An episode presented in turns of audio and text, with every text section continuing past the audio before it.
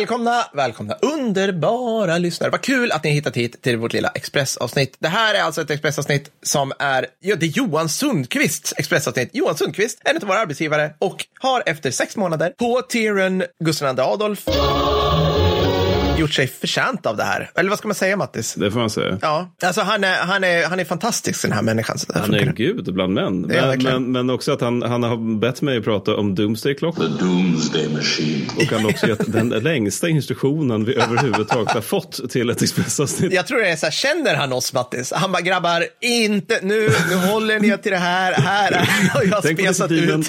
Ja, nej, men vi, så att jag tänker att jag börjar, jag börjar med att läsa upp hans instruktioner där. Ja, gör det. Här, jag vill att du ska göra ett sångnummer för oss arbetsgivare och lyssnare. Vilken arbetsgivare inte att dess anställda ska dansa och sjunga för dem. Du ska sjunga delar av Iron Maidens Two Minutes to Midnight, gärna Okej. refrängen. Så varsågod. Okej. The killer's breed or the demon's seed The glamour, the fortune, the pain Go to war again. Blood is freedom's stain. Don't you pray for my soul anymore. Two minutes to midnight. The hands that threaten doom. Two minutes to midnight To kill the unborn in the womb Yeah! Tack Per. Jag, tycker, jag har aldrig lyssnat riktigt på texten tidigare, men, men det, jag tycker den lät mer som Manowar än, än Iron Maiden. Men så kan det vara. Ja, men lite, det fick också lite Manowar-känsla, men passar ju bra till ämnet. så det var ju snyggt av det. Johan. Ja, och det skriver jag ju då också Johan, att det, det, det, det hör bra ihop med vad Matti ska, sedan ska prata om. Mm. Nu fortsätter vi med Johans krav. Jag vill även att Matti ska berömma General Curtis LeMay. If the pilot's good, see, I mean, I mean, if he's really sharp, he can barrel that baby in solo. I mean, you ought to see it sometime. It's a sight. A big plane like a 52. Vroom! It's jet exhaust frying chickens in the barnyard. Jag hörde ett avsnitt att Mattis inte gillade honom. Okej, beröm till LeMay för att han var duktig på att elda upp japanska civila då, antar jag. Jag om det är jävla... det. En av alla rätt osköna så här, flygvapengeneraler på både brittisk och amerikansk sida. Och det Ja. fanns en gäng. Det fanns ska ett vi ha gäng. klart för. Mm. Ja, men okej, men om man ska ta det seriöst. Han, han, var, han var duktig på att hitta på innovativa sätt att, sätta, eh, att klämma in fler bomber i B-29, så att, inklusive ta bort vapnen från dem. Mm. Sen önskar jag lite hälsningar också. Får vi plats med det här på 15 minuter? Svar nej. Eh, Först en hälsning till alla i 180 andra hemvärnsinsats och främst då till alla hjältar i första pluton. Sen en hälsning till Hans Fredrik och, eh, och hans dröm om att Bekan 1 ska återuppstå som fågel Fenix. Sist men inte minst till min underbara sambo och, och dragon Jenny, du är bäst. Så, Snyggt! så. Vad ska jag nu prata om? Bra, ingen vet. Vi har glömt det här. Jag tror Ja, han, det- han skriver då att mitt avsnitt ska handla om Doomsday Clock. Dess Ja. historik, dess betydelse som ett exakt mä- mätinstrument om jordens undergång och varför man behöver ett sådant mätinstrument. Så Mm. då så ska jag prata om det. Och ingångsvärden är då att Doomsday Clock skapades 1947 av Bulletin of the Atomic Scientists. Och den, det är alltså rakt av en klocka helt enkelt. Mm. Som, som visar, ja vi kommer till det, men, men den tecknades av konstnären Marshall Langsdorff. Och designen var Langsdorffs som utgick då från samtal med diverse atomfysiker. Notera nu att det här är 1947, så på den här tiden betyder atomfysiker typ vi som gjorde nukesen. Det är det Ja. alla tänker på som fysiker på den tiden. Och syftet var en slags varning för när mänskligheten var och är en egenorsakad undergång. Och Langsdorff hon satte då klockan på 23.53 utifrån citat det såg bra ut. Och då är det liksom att när vi är på 00.00 då har- går vi under. Så att 23.53 det är väldigt nära undergången redan 1947 då. Ja, han baserade det här på någon form av magkänsla kopplat till Ja, hon, antal. hon, hon tyckte att det, så, förlåt. Återigen, hon tyckte att det såg bra ut. Det, det, är där, det, var så vi började med det helt enkelt. Och på den här tiden så var det kärnvapen man tänkte på när man tänker liksom undergången. Och det vi också ska notera nu här i sammanhanget är att amerikanerna har 1947 monopol på kärnvapen. Så redan där är vi sju minuter från midnatt då. Första gången visarna rör på sig, det är när ryssarna testar sin första atombomb 1949. Mm. För då, då rör sig klockan till 23.57. Så nu är jävligt nära undergången här Mm. Ja. då. 1953 testar både Sovjetunionen och USA varsin vätebomb, varvid klockan blir 23.58. Mm. Och 2020 så sattes klockan till slut då på 100 sekunder från midnatt på grund av vad man ansåg dysfunktionella regeringars oförmåga att hantera globala priser. Och då kommer vi till det här med exaktheten och behovet av ett sådant mätinstrument. Då, va? Ja. För det handlar, det, det, alltså man utgår, när man, det, det är liksom inte bara att man höftar höftar utan det finns en panel av experter inom en rad olika områden Aha. som sätter sig två gånger varje år för beslut om hur nära mänskligheten är att utplåna sig själv. Ja. Och ergo har man sedan 2007 haft med klimatförändringarna som en parameter för hur nära vi är undergången. Det känns rimligt. Liksom. Mm. Ja, Mm. Jag skulle säga att det här avslöjar en djupt pessimistisk syn på världen. Ja, ja verkligen. Alltså extremt. För, för att alltså, 1991, Sovjetunionen kollapsar och omfattande nedskärningar av antalet kärnvapen i världen sker och har skett under Ja. 80-talet Ja. mellan både Ryssland och amerikanerna. Då ställs klockan på 23.43. Ja, ja, precis. Inte 15.00. Sovjetunionen finns eller så här, inte nej, längre. Nej, men precis, vi är fortfarande liksom töntigt nära midnatt. Liksom. Ja. Det är liksom bara en, vi halkar lite. Så som vi, alltså, ja, jag kommer gå med, med på det här för jag blev faktiskt lite irriterad. Ja. Och det här, är liksom, det här är så långt ifrån midnatt vi någonsin varit sen Ja. Doomsday Clock började. F- Får jag bara fråga, bara så att så jag fattar det här. Fin- Finns det en fysisk klocka någonstans? Nej, det gör det inte. Nej, okej. nej, nej, det gör det inte. Och- Utan men det är liksom den tecknas en, eh, fortfarande? Liksom, eller Ja, det gör kan gå in Det- på det någon... Okej, Ja. ja. du kan gå in på Bullentins hemsida där de visar liksom hur visarna står. Okej, enkelt. coolt. Ja. Mm. Och, och samtidigt är Bulletin, de är väldigt noggranna med att vi gör inga prognoser utan vi liknar oss själva mer som läkare som gör diagnoser. Det är bra att sätta sig ner varje år och fundera Mm. Ja. Mm. på liksom, hur nära är vi undergången. Och jag kan för egen del tycka att det här är till att börja med ett ganska föråldrat sätt att se på kärnvapenkrig faktiskt. Ja. För att alltså, när man börjar med Doomsday Clock, då var ju liksom så här, total utplåning av världen steg ett i anfallet Mm. under ett kärnvapenkrig. Då. Men efter 1950-talet har man ju tänkt om lite grann, Mm. va? för att ingen vill ju utplåna allt liv ner till bakteriell nivå.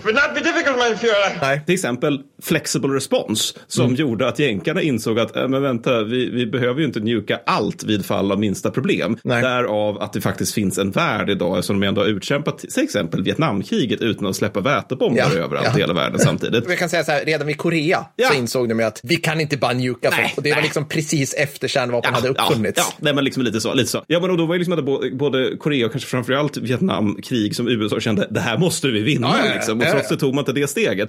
Och därtill även så här senare tankar som jag vill minnas kommer under 70-talet när man börjar tänka termerna av att liksom, om det blir kärnvapenkrig mellan USA och Ryssland då ska vi inte liksom börja med allt åker iväg utan vi ska börja med eh, att skala bort fiendens förmåga att avfyra egna kärnvapen. ja, precis. Det är ett kärnvapen förvisso men det kommer inte vara det här totala utbytet. Nej. Utan man ska liksom försöka tillse att fienden hamnar i en situation där den inte längre kan verka med kärnvapen, där det städer helt oskyddade från våra kärnvapen och då därmed trimma, tvinga fram en fred. Alltså det är fortfarande en jävla massa människor som kommer att dö här, men det är inte det här liksom boom, fallout. Total atomic annihilation. Och dessutom har vi då vad jag har fått intrycket av via dåliga källor är den amerikanska moderna synen visavi Ryssland när det gäller kärnvapenkrig. Det vill säga varför sätta in kärnvapen när vi bara kan sva- svara med vårt absurt mycket kraftfullare konventionella försvar. Ja, ja. Det vill säga ryssarna nukar Ukraina, USA tillser att det nu inte finns en rysk armé längre via liberal applicering av flygstridskrafter Ja, till exempel. till exempel. Så Bu- Bullentid menar då att så länge kärnvapen existerar, slutcitat, så kommer det vara ett hot som kan citat utplåna civilisationen. Och ja, men det är också lite som att säga att civilisationen, så länge civilisationen existerar så riskerar den att utplåna civilisationen. Mm. För det är liksom en tidsfråga innan vi hittar på någonting ännu värre än kärnvapen. Ja, ja. Och vad gör vi med visarna då? då? Ja. När vi redan har de här fjuttiga små Kina-puffarna som det kommer framstå som vid den tiden. Var, varför känns så här stor del av fysikerskrået fortfarande som så här äh, Svenska advokatförbundets nivå i gnällspikighet? Eller förlåt, förlåt, nu,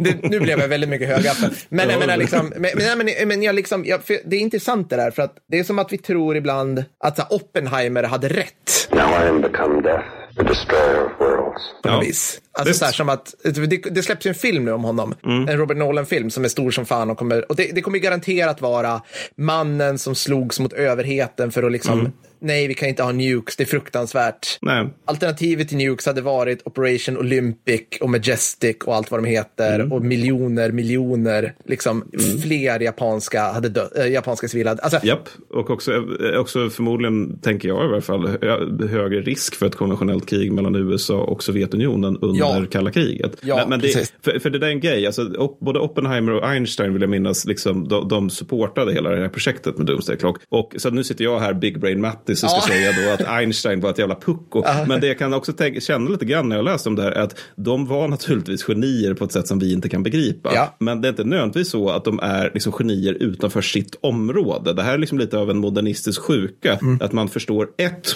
komplext system och då anser sig man förstå alla komplexa system. Ja. Alltså lex techbro-killar som håller på med bitcoins och NFTs och nu ska förklara för oss hur vi ska få slut på Ukraina-kriget. Let that sink in. Ja. Eller Mm. Jordan B. Petersons funderingar om hur det går mellan Ryssland och Ukraina. Ja. Det vet de här kategorierna män inte någonting om. om Nej, helt precis, men, precis. Bara, men bara en extremt liten, en liten raljant utläggning här då när det gäller det här med att vi hela tiden upptäcker nya grejer. Ja, Vi upp, ja. uppfinner nya vapen Ja. för att ihjäl varandra. Det är ju då att vi har andra Laterankonciliet 1139 som vi äntligen får prata om i den här podden. Ja. ja.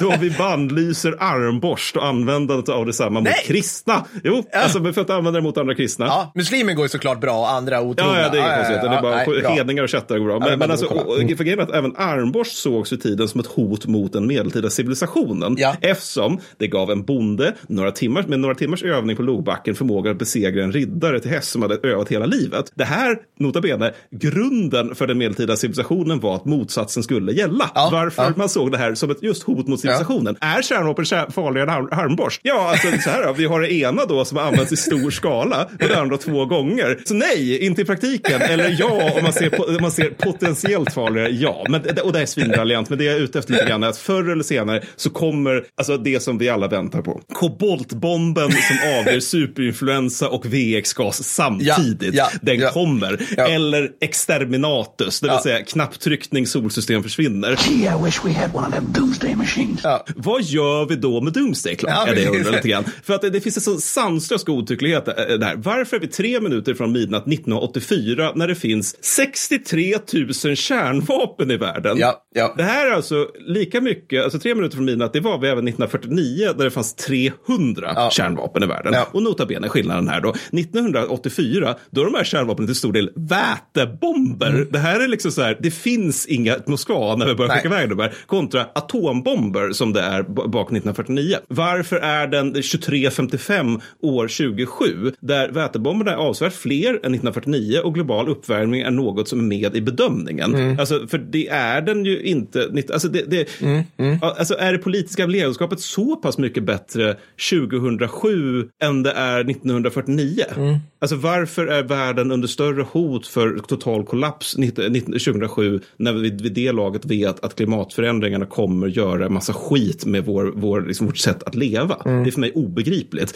Den här typen av visualisering av ett framtida hot kan säkert vara pedagogiskt. Mm. Man känner, alltså, men samtidigt kan jag ju också känna att det, det som man skjuter sig själv lite i foken om man börjar med att vi nästan, nästan döda. Mm. För liksom, vad gör vi då om det blir värre? Det är det jag är ute efter hela, tiden. Och det är också, tänker jag, att det, det här liksom riskerar, alltså den här typen av resonemang av vi är hundra se- sekunder från undergången, det riskerar väl att leda till paralysering snarare än policy. Att alla bara känner en stor uppgivenhet inför att det, det finns ingen poäng med att försöka förändra världen. Varför ska vi göra det? Vi är så här nära att utplåna oss själva och det är också via kärnvapen och global uppvärmning och sådana här typen av stora processer som vi som enskilda indi- individer inte kan påverka, Nej. känns det som. Precis. Så, så vad, vad, hur, hur ska man använda det här som liksom beslutsmaterial som privatperson eller ens som beslutsfattare på stor, hög nivå?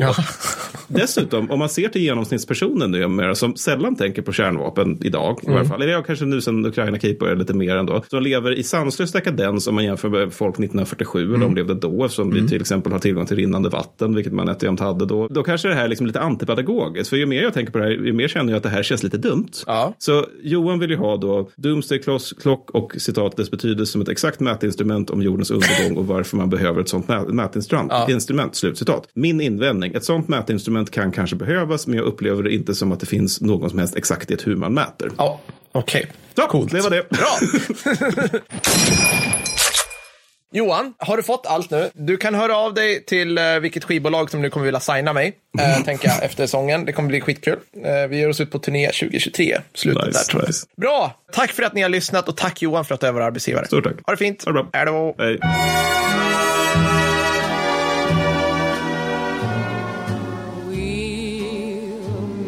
Again. Don't know where, don't know when, but I know we'll meet again some sunny day.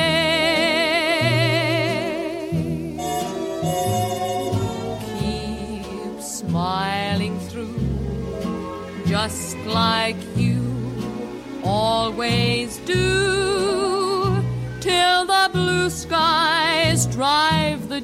clouds far away. So, will you please say hello to the folks that I know? Tell them I won't be long. They'll be happy to know that as you saw me go,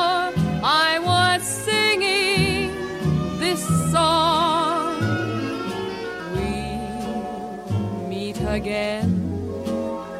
Don't know where, don't know when, but I know